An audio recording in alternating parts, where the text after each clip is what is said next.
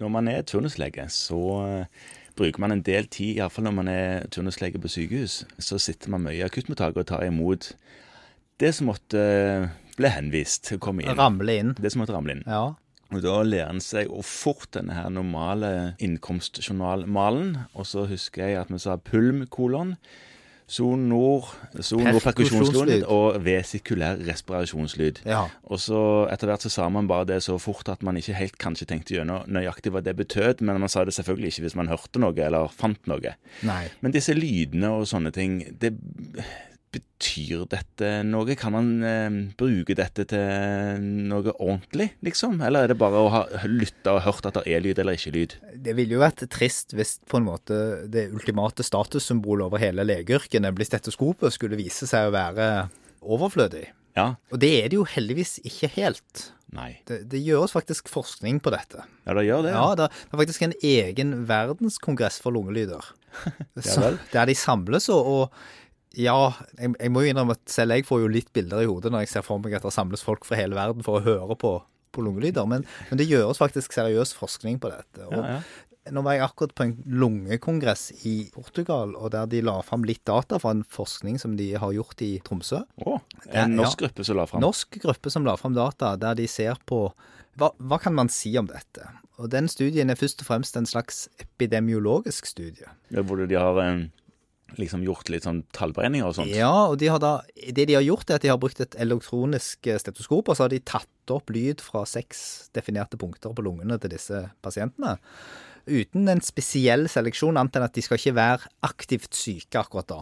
Det er det med elektronisk stetoskop. Dette er sidespor, men det, det skal du være vant med før du bruker det. For jeg prøvde det en gang, og jeg hørte jo Alt.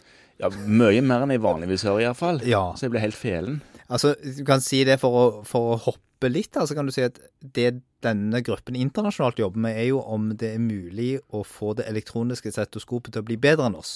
Altså til å få det Å, ja. til å lese av disse lydene og lage en fil som sier noen ting om hva dette skyldes. Ok. Og Der er de ikke helt i mål, for å si det forsiktig, men, men det er en interessant tanke. Ja, Men de er jo ikke helt i mål når det gjelder det å tolke E EKG-er heller, som kanskje en mer eksakt kurve enn eh, lyder fra lungene. Man vet i hvert fall mer om det per i dag. Ja. Ja, Men men, men, uansett. uansett. så er det sånn at det de da har gjort, er at de har lytta på først og fremst tromsværinger, da, som ikke har noen akutt pneumoni eller noen sånn pågående sykdom, men de har ikke vaska det veldig hardt for om de har en, en eller annen lungesykdom eller hjertesykdom i historien. Ok. Men det skal liksom ikke være det som er grunnen til at de har kommet til legen.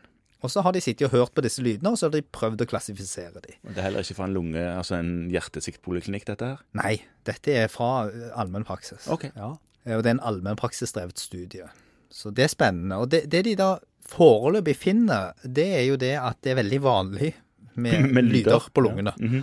Og sånn som de legger det fram, så sier de at det som er mest predikerende for om du har fremmedlyder på lungene, både knatrelyder og pipelyder, er hvor gammel du er. Hva betyr det? Altså at Jo, eh, jo eldre du blir, jo mer brummer lungen din. De både knatrer og piper mer jo eldre du blir, Uavhengig av sykdom? uavhengig av sykdom. Nettopp. Ja. Og faktisk så kunne det tyde på at opp mot 20 av 70-åringene Og der var det likt hos de som hadde en kjent hjertesvikt eller en kjent kols, og de som ikke hadde det. Ok. Opp mot 20 av de, de knatrer basalt på lungene sine. Ja. Når de føler seg fine. Så det gjør de, liksom. Det er normalsituasjonen, normaltilstanden. Ja, hvorfor vet man ikke? Det er ikke grundig kontrollert for røntgen, men, men det som i hvert fall var litt av budskapet, var at det kan være greit å sjekke sånt ut før man sier at det er svikten som er i forværelse. Ja, altså at du har gjort noen eh, journalnotat på at denne personen har faktisk en basal knatring og er helt frisk. Ja. Sånn at hvis du hører en basal knatring, og det ikke helt passer, fordi du tilfeldigvis lytter på personen i en eller annen sammenheng, Mm. og kanskje vil du da, fordi pasienten ikke har så mye plager, bestemme deg for at eh, vi tar en toraks av dette, eller et eller annet sånt, Ja, ja. så journalfør det, og så vit det med din pasient der du sitter inne i Stavanger, at denne pasienten, den har knatra siden 2014, Ja. og knatrer støtt og stadig. Blir dette lungenes analogi til en fysiologisk bilyd på hjertet? Ja.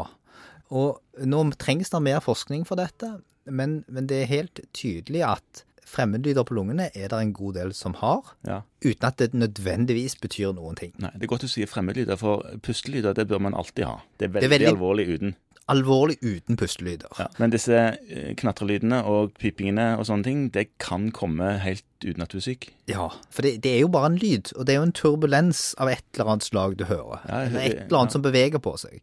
Og det gjør jo lungene hele tiden når vi puster ut og inn. Ja. Så derfor så vil sånt tilfeldig kunne oppstå. Og da er det jo igjen som det er i en del andre situasjoner, at det er endringen vi er interessert i. Når dette er annerledes enn det pleier å være. Ja, ja. Og så var det en annen ting, og det er at det å skille i forhold til diagnoser på fine og grove pipelyder og fine og grove knatrelyder Mm. det har veldig lite for seg. Så når du er flink, som man tenker når man klarer å skille de tingene, så har det egentlig ikke noe sånn Nei, for de, de korrelerer fryktelig dårlig med disse sykdommene, ser det ut til. OK. Så hvis det piper, så skriv at det piper, og hvis det knatrer, så skriv at det knatrer. Skriv hvor, og så anbefalte de veldig at man prøvde å standardisere hvor man lytta hen. Ja, ikke bare kaste stetoskopet litt sånn tilfeldig rundt omkring bak bryggen der. Nei, altså oppe og nede på begge sider bak, og oppe foran. Det holder. Ja.